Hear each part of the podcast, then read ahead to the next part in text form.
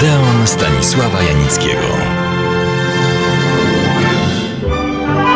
Charles Chaplin, potocznie zwany Charlim, tak bowiem nazywała się postać, którą stworzył i którą grał, uchodzi za jednego z największych skandalistów nie tylko Hollywoodu, ale świata filmowego w ogóle.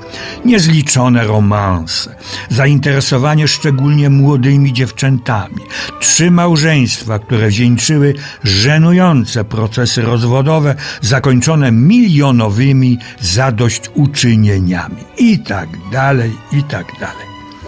O tym, o dziwo, się pamięta zapominając, że Chaplin był przede wszystkim jednym z największych geniuszy filmu.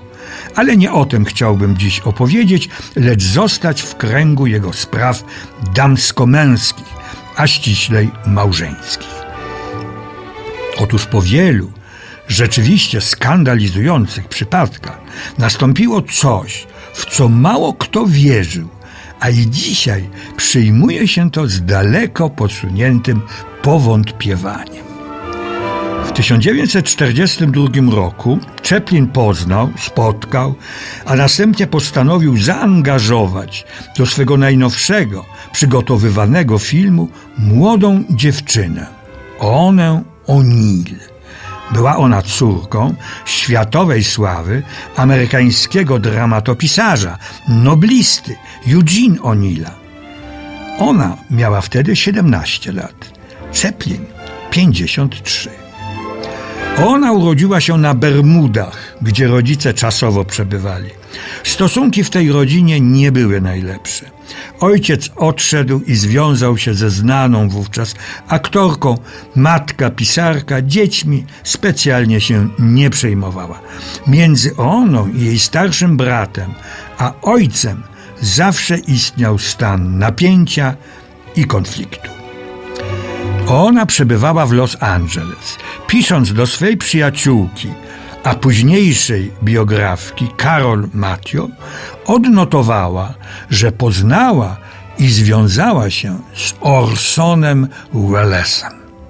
W PS-ie widnieje informacja, że właśnie poznała Charlie Chaplina kilka miesięcy później, dokładnie 1 czerwca 1943 roku, oboje zawarli związek małżeński. Różnica wieku wynosząca bagatelka 36 lat. Wspomniana Karol, przyjaciółka on, która przebywała przez pewien czas razem ze świeżo poślubionymi małżonkami, napisała, że nigdy nie widziała Czeplina tak zakochanego.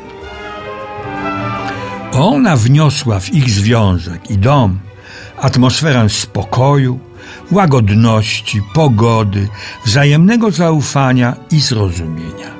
Miało to szczególne znaczenie, bo Czeplin przeżywał wtedy ciężkie chwile po publicznych oskarżeniach o wprost chorobliwą rozwiązłość i o zgrozo przynależność do partii komunistycznej Stanów Zjednoczonych.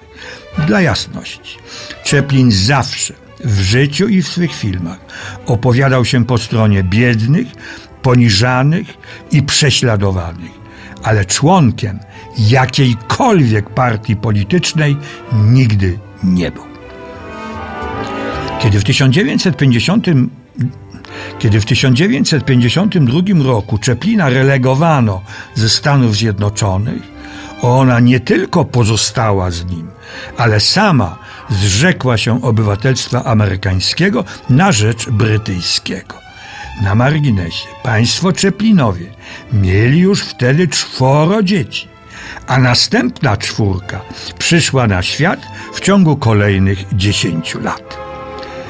Niektórzy twierdzili, że ona za małżeństwo z Czeplinem poświęciła swój ewidentny talent aktorski.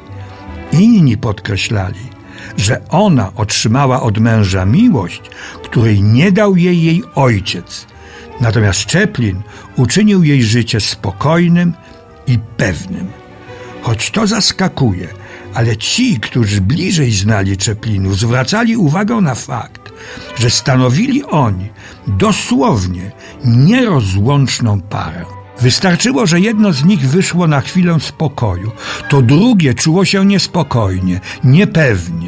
Ale oboje mieli ogromne poczucie humoru, co pozwalało im znaleźć się w każdej sytuacji. Zdarzyło się, że ona zwróciła poważnie uwagę Charliemu, że nie tak należy się zachować przy stole podczas podwieczorku. Kiedy wyszła z pokoju, jeden z gości, zdumiony, zapytał Czeplina, dlaczego pozwala żonie na zwracanie mu uwagi i to w obecności gości. Na to Czeplin z rozbrajającym uśmiechem odpowiedział: Wiesz, ja ją bardzo kocham. Ona po śmierci męża w 1977 roku poświęciła się wyłącznie życiu prywatnemu, rodzinnemu. Ogarnął ją bezbrzeżny smutek. Odeszła przedwcześnie w 1991 roku w wieku 66 lat. Na zakończenie chciałbym przytoczyć ostatnie słowa autobiografii Czeplina. Przez ostatnie 20 lat nauczyłem się, co to znaczy szczęście. Chciałbym móc napisać coś więcej na ten temat, ale musiałbym mówić o miłości. A miłość doskonała to najpiękniejsze ze wszystkich rozczarowań, ponieważ jest czymś, czego nie sposób wyrazić.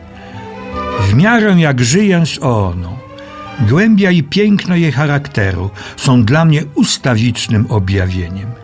Kiedy idzie przede mną wąskimi chodnikami wywy, stąpając z pełną prostoty godnością, drobna, zgrabna, wyprostowana, z zaczesanymi gładko ciemnymi włosami, wśród których jest już kilka srebrnych nitek.